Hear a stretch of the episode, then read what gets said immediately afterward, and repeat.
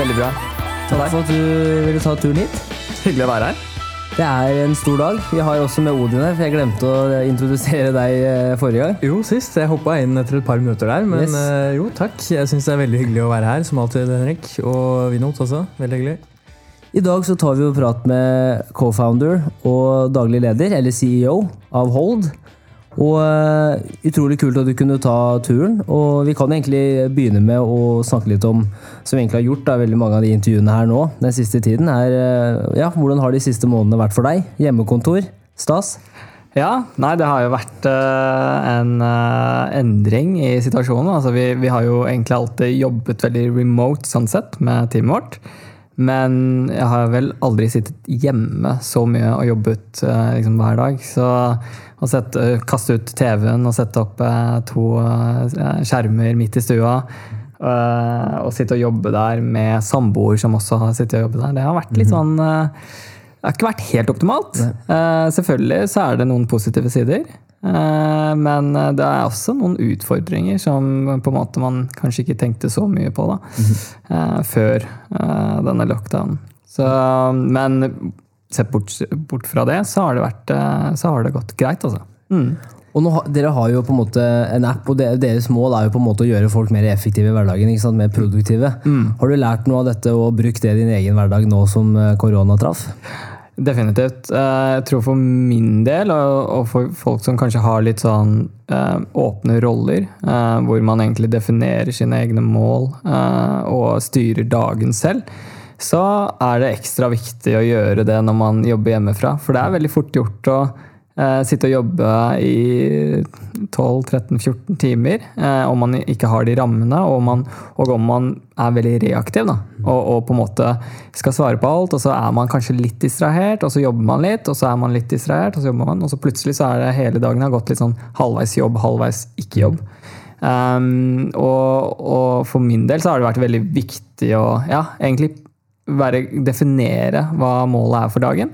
Eh, og være veldig sånn Hva skal jeg si Følge den planen slavisk. eh, og si ok, nå er jeg ferdig med jobb. Og da skrur jeg av, skrur jeg av computeren og legger på et teppe over, over skjermene, for det er midt i stua. Mm. og da slipper jeg å føle på den der «Oi, shit, nå burde jeg egentlig jobbe. Det har vært et problem for min del, i hvert fall i begynnelsen. Så det er ikke noe du kommer til å fortsette med å jobbe i stua etter, eller når det til en viss grad normaliserer seg, i hvert fall? Jo, eh, altså eh, Kanskje ikke stua. Eh, vi har ikke hatt muligheten til å ha et eget kontor. Jeg tror sånn, Hvis man hadde hatt et eh, ekstra rom hjemme, så hadde det vært veldig veldig bra. Eh, men for min del så ser jeg på det optimale som kanskje to-tre dager hjemme og én til to dager på kontoret. Eh, hvor man møter folk. Det er noe med den energien man får når man er blant folk og kommer seg ut. og liksom endringen i kontekst, som er veldig viktig. da, Som uansett om hvor god det er på videocalls og liksom ha watercooler og alt dette her, så er det veldig vanskelig å replisere den mellommenneskelige eh, kontakten og den energien du får da, av det. Definitivt. Og jeg, jeg går litt tilbake nå, for jeg husker jo når jeg, når, Apropos det med å, å kunne For det er som du sier, da, når vi jobber lange dager, så snakker vi veldig ofte at ja, men jeg har jobba ti, ti- ti timer i dag. Så, ja, men hvor effektive har de ti timene vært? Da? Hvor mye har du faktisk fått ut av de ti timene? Um, og så dra det litt tilbake, for jeg husker når, for alle vi tre har jo studert på BI. Eh, og når vi gikk der andre tredjeåret, så hadde jo dere da appen for studenter. Og da husker jeg det veldig sånn at man, kunne, man, kunne bygge opp fordeler. Altså man kunne få en kaffe hvis du klarer å sitte så og så lenge. Ja. Og for meg så er jo det jo skikkelig genialt. Mm. for at det er også sånn ikke bare at du skal sitte lenge, men du blir også belønna for å sitte så og så lenge uten å røre telefonen. da. Eh, så jeg bare tenker å hoppe rett inn. Bare, hvordan kom dere på den ideen? For det er jo noe som jeg tror veldig mange har godt av eh, av en slags verktøy i hverdagen. da. Ja, nei, eh, definitivt. Altså, vi, vi var jo studenter selv. Eh, vi studerte på CBS eh, på masteren, og vi satt sånn 10-12 timer. Det er det alle måler hverandre på. Og liksom, ja, hvor, lang, hvor lenge satt det? Det er liksom sånn badge of honor eh, å sitte der. Og så tenker man at man er produktive. Det er ikke tilfellet. Vi fant ganske fort ut at det læringsutbyttet vi hadde forventet da når vi satt så lenge, skulle være mye høyere. Men, men, og vi skjønte jo at den stadige telefonsjekken Vi var ganske observant på hverandre. Mm. Hvor ofte vi sjekka telefonen. og At den hadde negativ effekt. Det var noen studier, det var ikke mange studier på den tiden, eh, 2014. Eh, Men vi hadde på en måte god koll på at det, her må egentlig ha en negativ effekt på fokuset. Eh, og så begynte vi å eksperimentere med det, da, fordi eh, alle vi tre, så Florian, Mats og jeg, vi var veldig sånn Vi skulle ha gode karakterer på masteren. Um, og vi ønsket å oppnå selvfølgelig disse karakterene, men selv om det ønsket var veldig stort, så hadde, var ikke disiplinen vår god nok til å si at ok, nå legger vi telefonen i sekken, f.eks., og la den ligge der hele dagen. Um, så vi måtte konkurrere. Uh, I begynnelsen så var det egentlig å legge telefonen bare midt på pulten. Og så konkurrerte vi om å holde uh, unna lengst. da. Uh, og så var det den som klarte lengst, som vant. Og de fikk da lunsj eller kaffe betalt av de to andre. Um, så det var liksom en um, premie og en straff til de som ikke klarte å holde ut så lenge. Det var på en måte første iterasjon av Hold. Uh, og, det, viktige der var jo det der med en kommersiell belønning da, som måtte ligge der for at man skulle gidde. Uh, og, og, etter flere iterasjoner av det, så skjønte vi liksom mer teorien bak det. At det er ok, vi er avhengig av instant gratification. Uh, og, og, hvis vi klarer å knytte den på en måte uh, forventningen med da markedsførere, og knytte opp direkte mot en målgruppe som er vanskelig å nå ut til, Eh, kanskje vi har en, en, en kul plattform eh, som kan skaleres opp. Eh, og da hadde vi en hypotese om at vi måtte få Coca-Cola ja. som kunde, for vi visste at de bruker masse på, på, markedsføring, sampling. Det er en av verdens største markedsførere. Hvis de sier ja til å være med på dette, så kan vi faktisk prøve å utvikle denne appen her. For vi, ingen av oss hadde noe teknisk kompetanse. Mm. Så det var på en måte fra vi forsto det, så tok det vel kanskje to-tre måneder hvor vi ringte rundt. Og så fikk vi, og det var via via, så fikk vi tak i han eh, Han vi måtte komme i kontakt med for å få dette til å fungere, i Coca-Cola. Og det møtet gikk kjempebra. Eh, og fikk kontrakt der. Eh, eller vi hadde jo ikke kontrakt eller noe. Vi hadde ingenting. Vi hadde en sånn klikkbar en sånn iPhone, eh, sånn um, keynote på iPhone. Og så viste jeg at dette er appen, og dette er sånn det kommer til å på en måte fungere. Og de ville signere pilotkontrakt, noe de gjorde uken etter. Og det var på en måte starten. Da fikk vi litt Med den kontrakten uh, fikk vi henta litt penger fra Innovasjon Norge, fra Friends, Fools and Friends, Family and Fools. Yeah. Uh, nok til å uh, få en uh, utvikler til å utvikle det første produktet. Og kunne teste det på Bay, som var vår, hvor vi gikk på bachelor da, mm. før. Og det var egentlig sånn det starta. Nå var det en ganske lang story. Nei, men det, det gir eh, mening. Altså, men hvordan eh, Jeg vet jo at BI-studenter vi er jo litt Eller nå skal jeg ikke si vi, for vi er ikke BI-studenter lenger. Men, eh, og jeg skal ikke tale under én kam heller, men hva skulle til for å kapre oppmerksomheten til BI-studenter, bortsett fra champagne og dyre mocca lattes? um, så tenker du på da piloten som vi kjørte mm. der. Uh, ja, så For piloten så var det så Vi hadde ganske store nett nettverk, både eh, Mats og jeg og Anders som var med på den tiden, eh, fra utvalg og sånt. Og vi på en måte, og det var flere, fortsatt mange som studerte på BI mens vi på masteren. da. Eh, så vi kontaktet alle sammen og inviterte dem til lunsj og en presentasjon, en pitch, for å være med i den for å introdusere appen og få dem til å teste.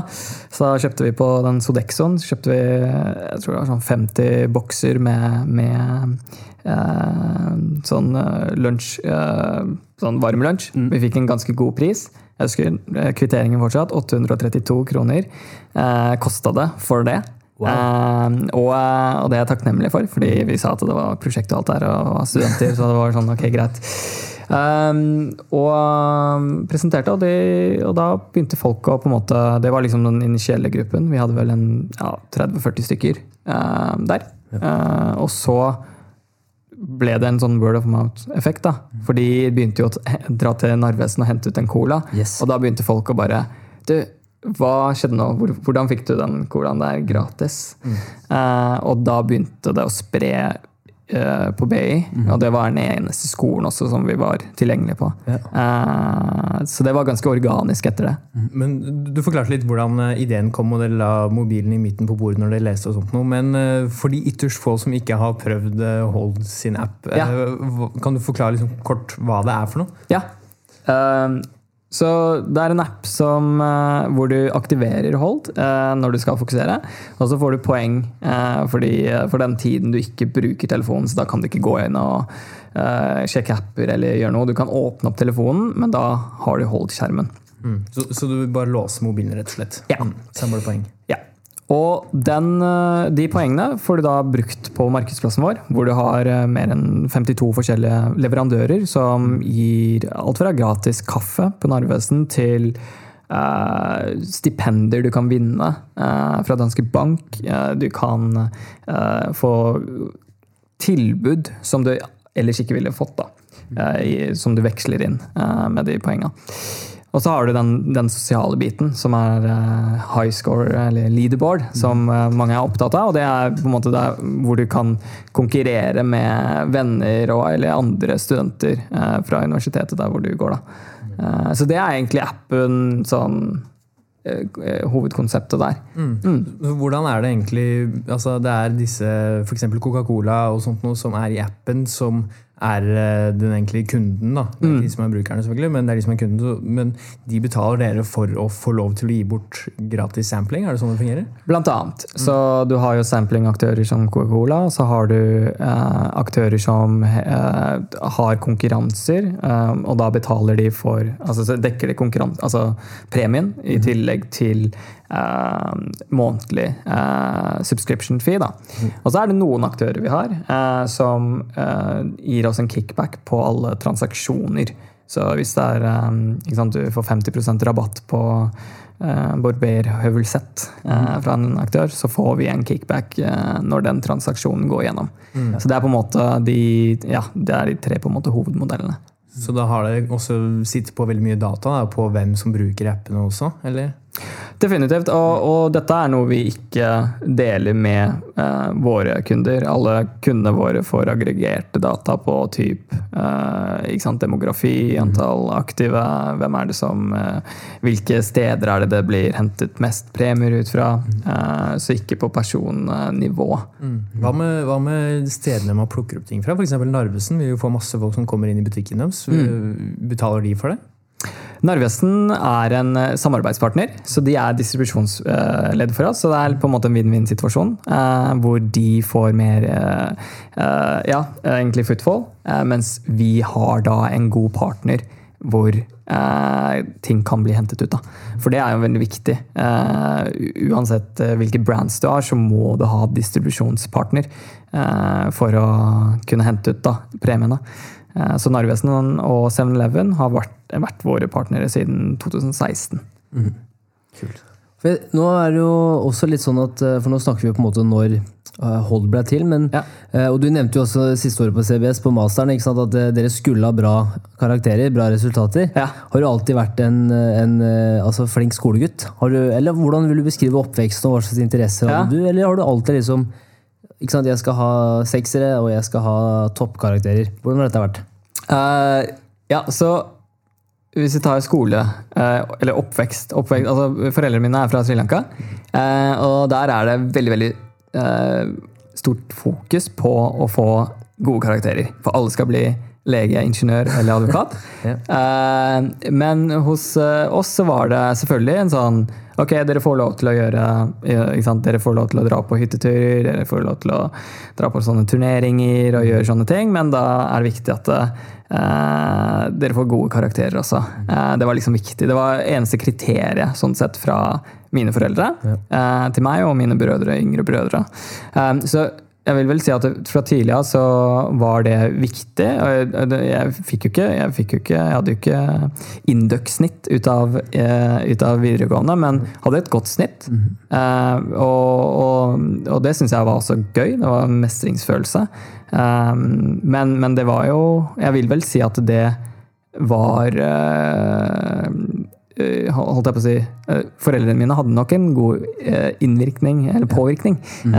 på, den, på måte det fokuset der. Um, og så, ja, så var det jo BI, og der var det jo eh, først eh, veldig gode karakterer, og så var det en periode hvor det var mye utvalg, eh, og andre ting som, eh, som var mer spennende. Som, altså, var jo med i eh, Start BI. Kjenner historien. Ja, eh, og, og så tredje året så var det liksom sånn skjerpings igjen for å komme inn på det studiet som jeg ville på masteren, da, på CBS. Eh, og CBS så var det skal jeg si, Det var veldig bra i begynnelsen, helt til Hold begynte å ta overhånd. Så eh, de første um, ett og et halvt årene så hadde vi eh, alle vi i founding team vi hadde toppkarakterer. Og da hadde vi egentlig lagd produktet også. Og så begynte, og så begynte, det, og så begynte vi å få traction med Hold. Skikkelig traction i Norge. Vi hadde lansert, eh, Dette var i 2016. Lansert, og serverne våre begynte å dø fordi det var for mye bruk.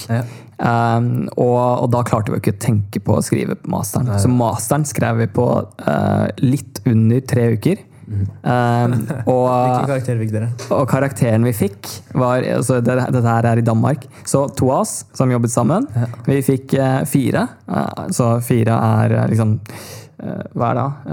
Det er vel en D, D tror jeg. Ok. Eh, hvis Men det står for dritbra, det.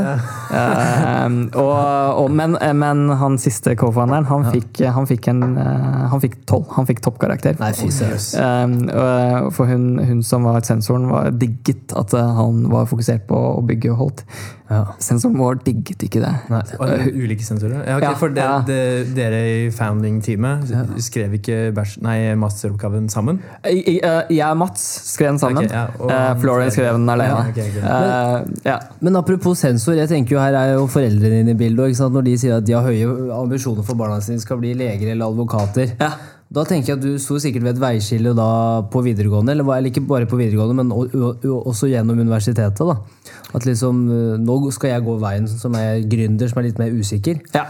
Hva tenkte foreldra da? Uh, ja, og, og det veiskillet kom etter første året på masteren. Uh, og da hadde jeg levert uh, akademisk også veldig bra, men også fikk vi denne muligheten med Hold. Vi fikk mm. student på en måte fundingen fra Forskningsrådet.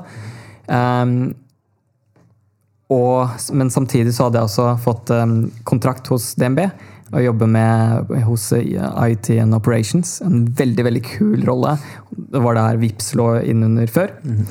Um, og da måtte jeg ta det valget den sommeren, da. Uh, og, og det var på en måte veiskillet. For da gikk liksom både Mats og jeg og Florian all in på at ok, nå dropper vi de andre mulighetene og går fullt inn for Hold. Og da støttet de 100 altså De sa selvfølgelig å jobbe med ikke sant, VIPs og, og bank det hadde, Jeg hadde trivdes veldig godt med det, for jeg hadde sånn summer internship. Eh, og de, det var vel noe de også kanskje egentlig ønsket at jeg skulle mest ta, men samtidig så så de at uh, dette her var noe jeg brant for, og da var det bare sånn ja, bare kjør på. Så hvis du angrer i en eller annen gang i fremtiden, så, det, så har du alltid muligheten. Du, har, eh, du kommer til å ha graden din. Eh, så ja. Så, så lenge de fikk graden. Jeg, jeg måtte, Yes. jeg måtte eh, levere inn masteroppgaven og få den graden. Det var viktig. Det var kriteriet. Eh, jeg tror ikke det hadde vært så samarbeidsvillig uten. Nei. Du måtte gå inn og inngå en kompromiss, rett og slett. Ja. Ja. Men eh, sånn under oppveksten, hva slags forbilder har du hatt? For det er jo også, det er jo også med og former den Så altså jeg kan jo tenke på at Når foreldrene sier du skal ha bra karakterer, det er ikke Mm. noe valg, så tenker jeg da blir man kanskje litt eh, Man blir jo motivert av det også, på en eller annen måte. Men Ja. hva slags forbilder har du hatt? Er det vært noen, eh, vært noen støttespillere både som du kjenner, men også som du har fulgt med på fra avstand? da? Ja, altså, jeg har blitt inspirert av mange. Eh, og litt sånn forskjellig fra liksom, ikke noen for idretten. For jeg, var veldig, jeg spilte mye fotball da jeg var yngre. Eh, og, og selvfølgelig, jeg syns jo David Beckham han var liksom forbilde. Yeah. Fram til jeg kanskje var sånn 12-13 år. Eh, og etter det så er det sånn etter det så var egentlig Steve Jobs, med liksom når han introduserte iPhone og hele den biten der, jeg var superfan av han. Jeg importerte jo masse iPhones til Norge. og jailbreaka. mer. Uh, ja, dette her var uh, niende klasse, tror jeg. Slutten av niende klasse. Uh, ungdomsskolen. Uh, noen måneder etter at eh, iPhone, første iPhone ble lansert. i USA, og den ble jo aldri solgt her i Norge. Um, og man kunne ikke ta den med til Norge heller, fordi ATNT, da, som var den eneste operatøren der som kunne ha iPhone, uh, man måtte jailbreake, så man måtte liksom Selvfølgelig ulovlig. Åpne opp. Um, og, så jeg importerte en til meg selv først. Og klarte å Jeg hadde ikke noe kodeerfaring, eller noe, men klarte å liksom lese meg opp på et sånt forum og åpne opp, da, og det fungerte. Og det sa jo alle vennene mine, og de syntes det var dritfett. Så da måtte jeg importere da, for vennene mine. Så ble det ja, både vennene mine og venner av venner. Eh, Det ble jo en- del iPhones. Ja. Eh, Og det er litt sånn morsomt å tenke på. Det ble butikk. Hæ? Det ble butikk. Ja, eller altså butikk og butikk. Jeg tror alt går, i- vinninga gikk litt i den spinninga der, men, Ja. men det var i hvert fall sykt gøy. Ja. Eh, men jeg digga Steve Jobs eh, og, og, og det, det han hadde fått til. Eh, så han har jo vært en sånn eh, en fyr jeg har sett eh, opp til. Ja. Eh, og så har det liksom vært Jeg syns det er inspirerende å, å se på folk som gjør ting som går litt mot strømmen, eh, og liksom gønner på. da. Jeg syns jo f.eks. Karpe. Dritfett, det de får til. Og ikke sant, Chirag han har, også sånn, han har jo foreldre fra liksom, Det er ikke Sri Lanka, det er in India. Men, men å gjøre Å liksom naile virkelig den på en måte musikk og gå den veien og gjøre det bra, det er dritkult. Og det, jeg syns sånne alle som gjør noe sånt, er, er inspirerende. Så jeg har liksom ikke kanskje sånn nå sånn én person jeg bare liksom forguder. Nei. Jeg syns det er mange inspirerende folk eh, i forskjellige industrier, egentlig. Nei, jeg, jeg er også helt enig, for det er jo også det som vi, som vi har snakket om i veldig mange episoder, at eh, vi har det kanskje litt for godt her i Norge. Og at vi på en måte ikke tør å gå imot strømmen fordi at eh, det er så behagelig. da. Og vi må ikke ta risiko, egentlig, for vi har det egentlig ganske ok der vi er.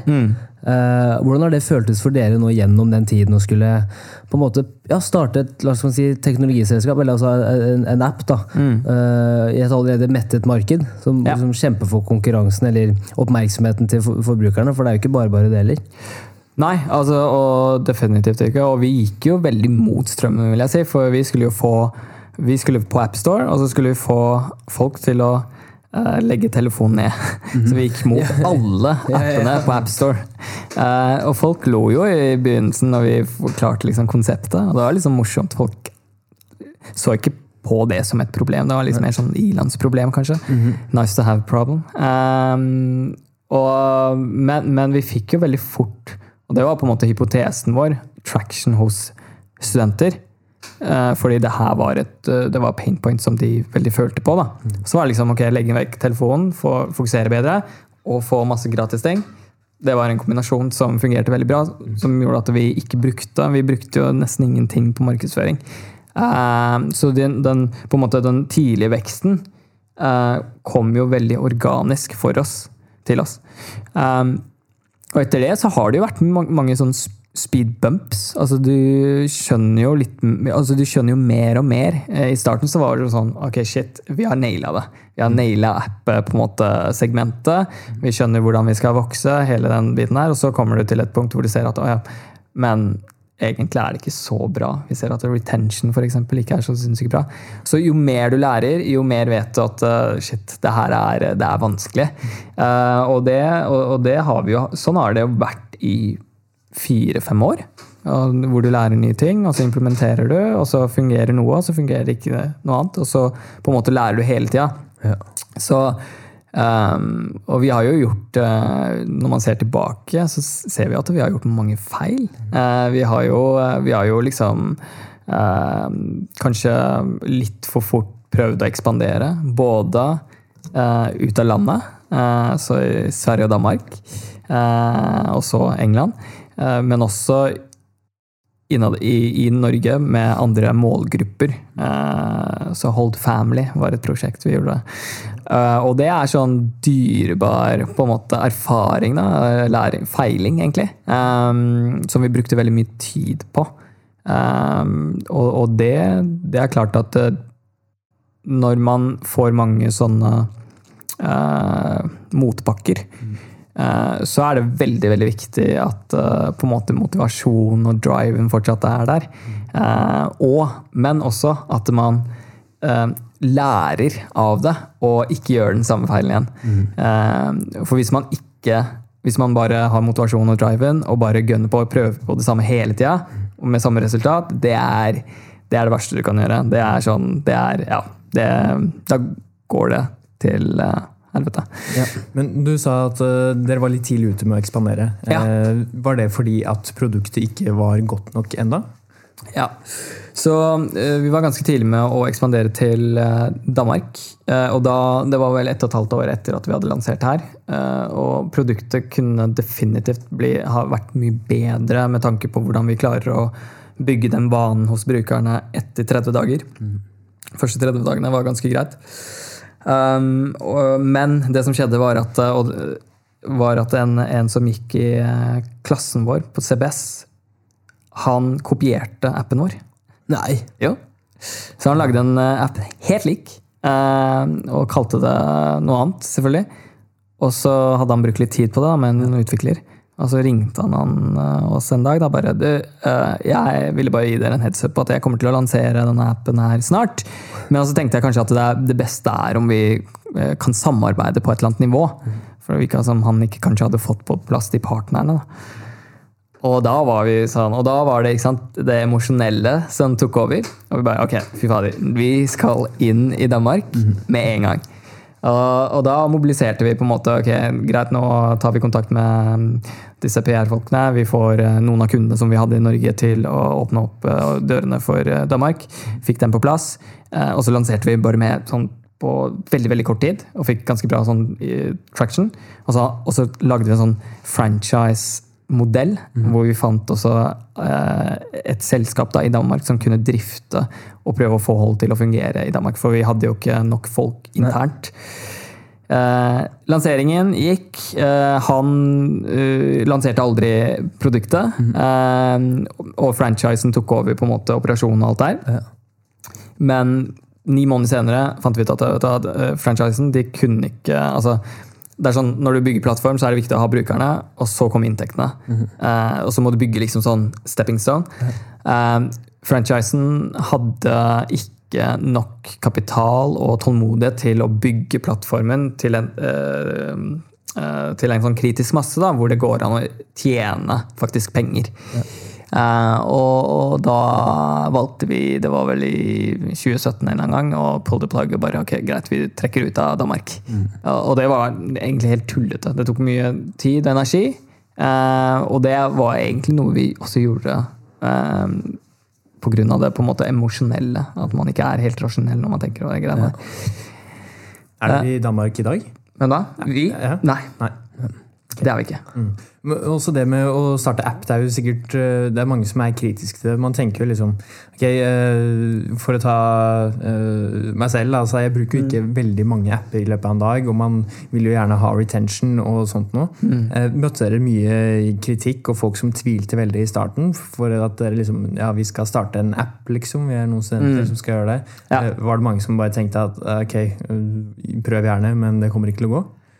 Eh, definitivt. Altså, det var jo mange som lo av det og syntes det var sånn lættis og bare ha-ha, kult. Uh, ja, Lættis at du får en cola, da, i det minste. Og, og, mm, og det hadde vi en stund, men altså begynte på en måte folk å forstå også mer og mer problematikken som vi uh, kom med en løsning på. Da. Eh, så det var jo en sånn i starten så var det ganske nytt for alle, men også begynte ny, altså, ikke sant, eh, forskere, mye forskningsartikler, mye medieoppstyr rundt liksom, eh, telefonavhengighet. Eh, Og det hjalp definitivt oss, for vi var tidlig ute der. Og vi fikk jo veldig sånn internasjonal også oppmerksomhet for måten vi håndterte det på. Eh, men, men i begynnelsen, ja, definitivt. Altså, det, var, eh, det, var, eh, det var liksom Hvor, hvor lang tid tok det før dere fra dere starta til dere innså at okay, det her kan bli en business som det kan bli fulltidsjobben vår når vi er ferdig med å studere? Uh, jeg tror det tok oss Det var vel kanskje fire måneder etter lansering. Og vi hadde sånn Jeg tror vi hadde sånn 20 eller 30 000 brukere. Ja, såpass? Det er ganske bra. Jeg ville tro det tok mye lengre tid. Studenter. Eh, og da, eh, da tenkte jeg ok, dette her er dritfett. Dette må vi bare gjøre.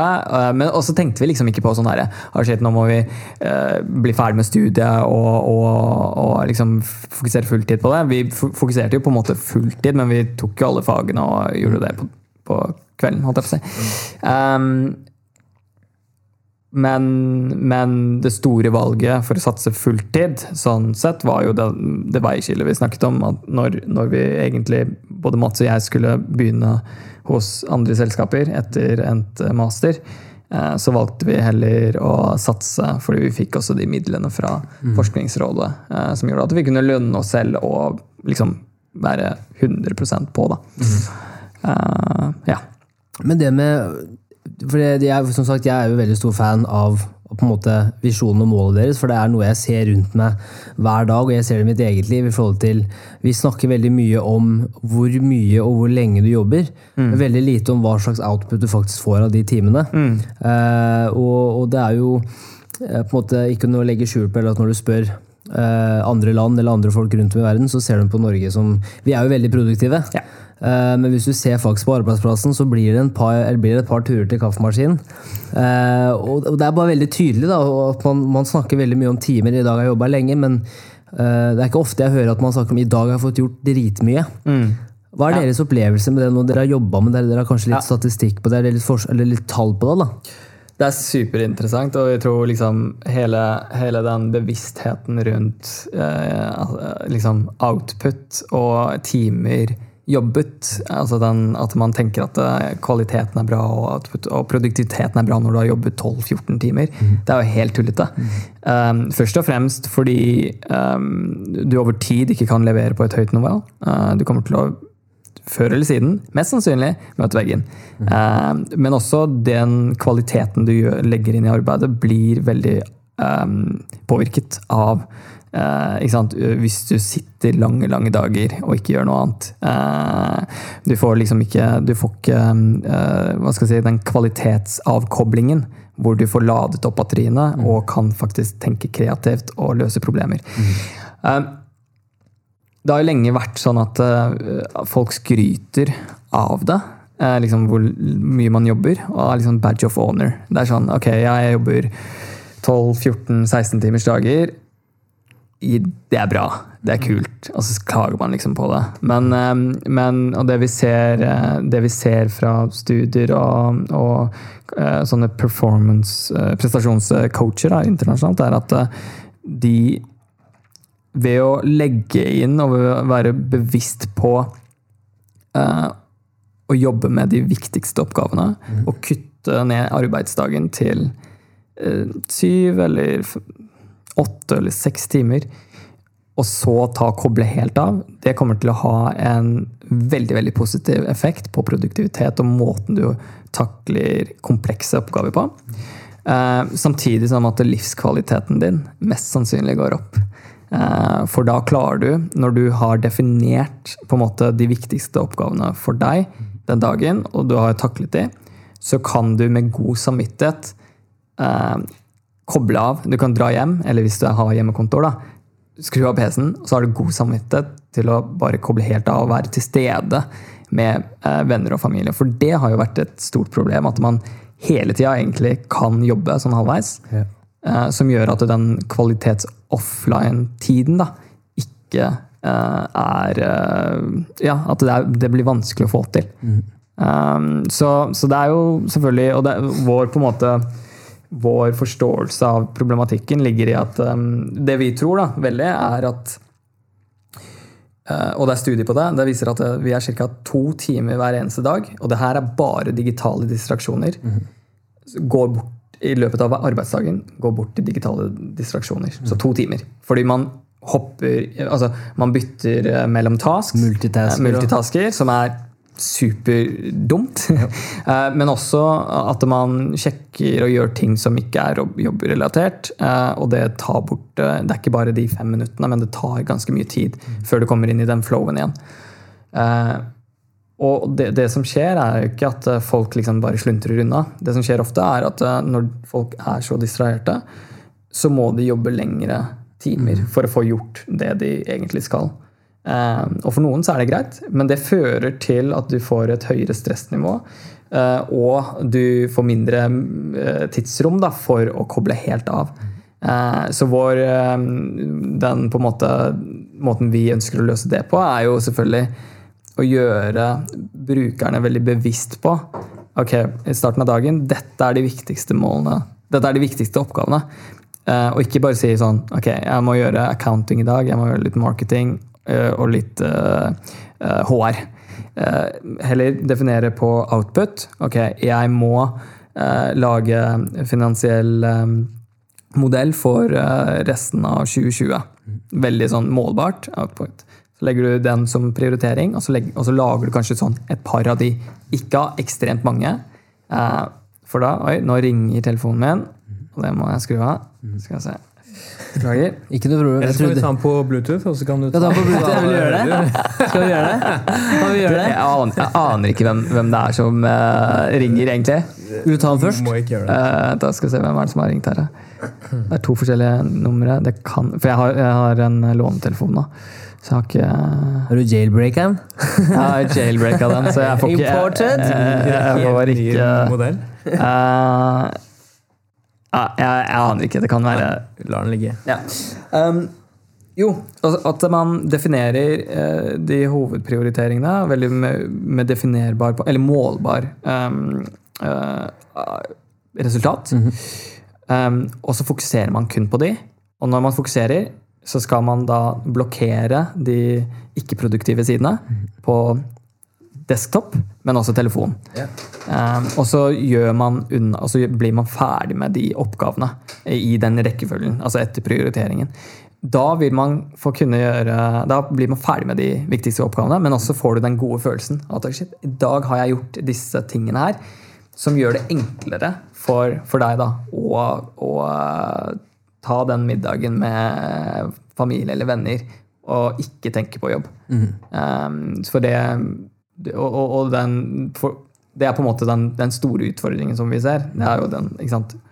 Det sklir i hverandre, jobb, fritid. Ja. Uh, og vi ser at det, utbrenthet er uh, veldig veldig økende hos uh, typisk millennials, som er veldig engasjerte, men som ikke har noen type barrierer eller um, eh, for når man skal jobbe og når man ikke skal jobbe. Bare det der å sette seg konkrete mål òg. Altså, du vet hva du skal gjøre når du kommer til arbeidsplassen. da. Ja. Ikke på en måte når du kommer dit, så skal du begynne å tenke hva var det egentlig jeg skulle gjøre i dag. Eh, men men sånn, uh, hva slags life hacks er det du har, sånn uavhengig av hold, men sånn generelt for å kunne øke produktiviteten i løpet av en dag? Har du implementert noen egne i løpet av en dag? Definitivt. Så, så det, det første jeg gjør, veldig tidlig før jeg sjekker e-poster eller noe, er å skrive ned de viktigste oppgavene. Det som på en måte eh, jeg veit har mest verdi. Eh, og eventuelt mest pressing. Uh, og så har jeg de skrevet ned. Og så sjekker jeg e-posten som regel to ganger i løpet av dagen. Uh, E-post er også et sånn Det er rått, faktisk, at du klarer det. nødvendig onde. eh, som fort kan gjøre at du jobber kun med reaktive oppgaver. Som oftest ikke kanskje er de viktigste oppgavene. Um, så, så da sjekker jeg de, og så legger jeg eventuelt, hvis det er noe jeg ser at jeg må håndtere i dag, så legger jeg det inn som en task. At ok, jeg må svare Henrik, da. Komme tilbake til Henrik. Um, så det, er, det, det har hjulpet meg veldig. Og så er det det å bevege seg. Um, det er veldig lett å bare sitte og crunche hele dagen. Uh, jeg har uh, heldigvis en hund uh, hjemme på hjemmekontoret, og det hadde vi også på kontoret når, før, før lockdown. Uh, som jeg går uh, turer med uh, flere ganger i løpet av arbeidsdagen. Og liksom be få beveget seg ordentlig. Ikke bare kanskje ta opp den, sant, ta, gå og hente kaffe, men beveget seg ordentlig, sånn at du får resetta og på en måte du får en sånn energiboost da, av å bevege seg. Så komme tilbake og så jobbe med neste. Um, det har vært viktig for min del. Um, hvilke andre ting er det? Timeboxe. Det, er, eh, det syns jeg er supernyttig. Da må du utdype. Ja. Hæ? Utdype. Her må du Ja, utdype. ja. Så- Så timeboxe, egentlig når man legger opp disse tingene som er viktige for deg da, å gjøre unna, eh, så, sier, så setter du av liksom Ok, nå fra klokken ni til ti så skal jeg jobbe med denne prioriteringen. Og da legge det inn i kalenderen. Så veit også folk, kollegaer, at jeg jobber med det. Så det blir sånn der accountability. Og jeg veit at jeg, det er det jeg bør sitte og jobbe med, sånn som påminnelse. da. Uh, og det har hjulpet veldig mye, for det, det hjelper det, det, er sånn bevis fra forskning. Hvis man setter uh, tidsbegrensninger, så jobber man mye mer effektivt. Uh, sånn at man ikke sitter i hele dagen med én oppgave fordi man, har liksom, man ikke har kommet helt frem til løsningen eller mm. det man ønsker. da. Men det er veldig viktig å på en måte ha avgrensninger. Um, og, og, og, for min del så har det vært uh, en game changer, sånn sett. Mm. Uh, og så når man er ferdig, så ser man også på kalenderen og bare Ok, nå har jeg brukt en time på denne prioriteringen her, uh, og det føles godt. Ja. Jeg er ferdig med det. Um, typ. Ja. Så, så timeboxing, veldig nyttig. Um, selvfølgelig få bort distraksjoner ja. der det er mulig.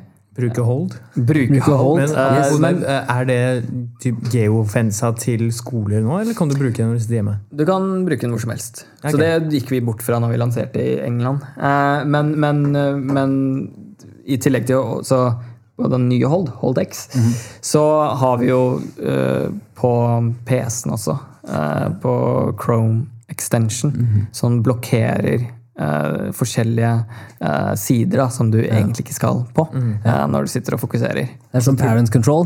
Det ja, det blir som parent control for deg selv, da, egentlig. og, og, og, da på siden så, har, så, kommer alltid opp på en måte den prioriteringen du jobber med, ah.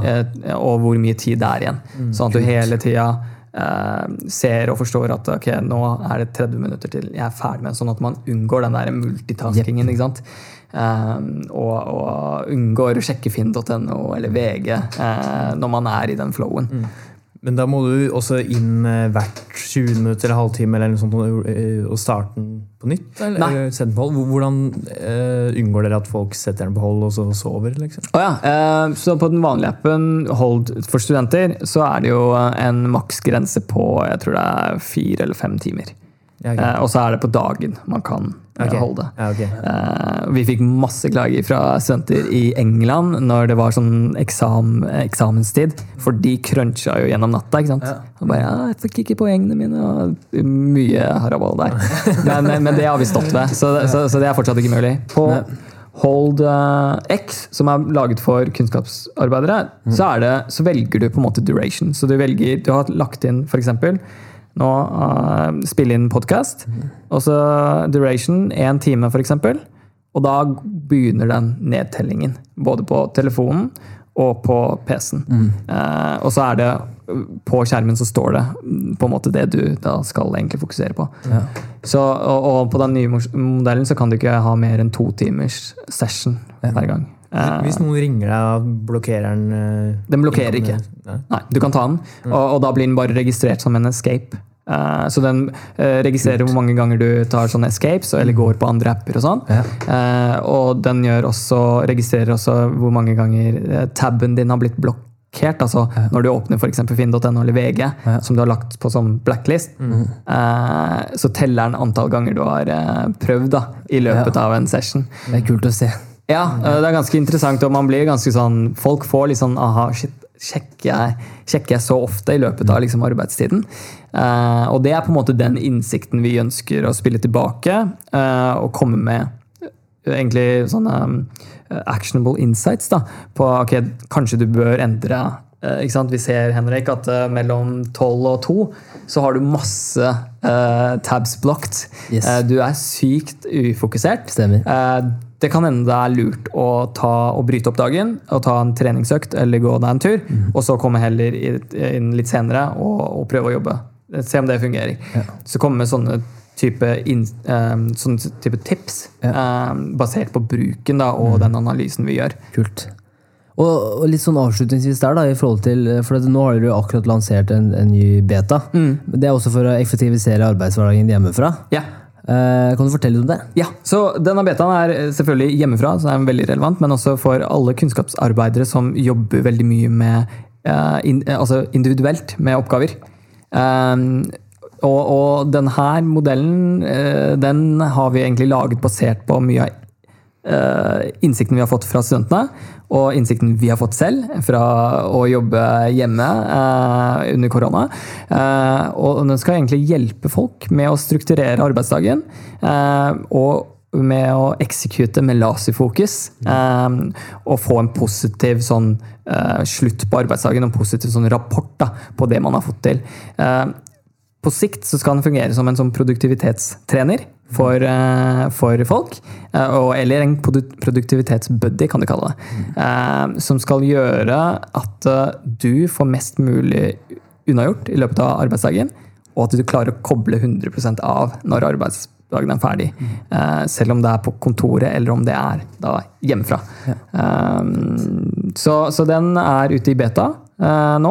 og vi bruker all vår tid nå sånn utviklingsmessig for å prøve å få denne modellen til å fungere. Og det er ikke noen kommersielle premier. Ne. Premien er det du på en måte, Det er mer bygget på indre motivasjon og, og den følelsen av um, mestring som du får. Uh, Gamification. Det er definitivt mye gamification som vi kommer til å legge inn der. Eh, men, men, men kommersielle belønninger kommer ikke til å være en del av denne, denne modellen. Så vi kan egentlig si at da Hold er den første produktivisi... Pro, si? Produktiviserte life-coachen. Altså, life-coach som er et produkt. Første produktet. Det er ikke noe Tony Robins, det er faktisk et produkt som gjør, motiverer deg. Ja, man kan jo se på det sånn. Vi, måten vi ser på det, er egentlig at eh, sant, du har guided meditation, du har guided uh, fitness. eh, sant? Du kan trene med sånn guide i, i øret. Eh, det som ikke finnes, er guided productivity, og det tror vi, har vi veldig troa på. Og, og vi har veldig troa på at det vil gjøre folk mye mer produktive, men også lykkeligere. Eh, og, og, så, men det er en, selvfølgelig en ny, ny utfordring for oss. Kult. Eh, så det siste spørsmål er hva slags råd ha, vil du gi til Vinot nå? Så Se for at han, har gått på, han går på CBS, han står stå mellom å skulle you know, follow the dream, follow the heart, eh, starte en app, eller skulle du begynne å jobbe corporate i DNB? Hva hadde du valgt? Uavhengig av hvilken corporate det hadde vært. Ja, ja, uavhengig. Bare ja. man, eller sånn, man kan snu litt på det. At, uh, vil du anbefale yngre studenter som snart er ferdig, å begynne å jobbe i større selskaper først for å lære, få inn innsikt, bygge nettverk?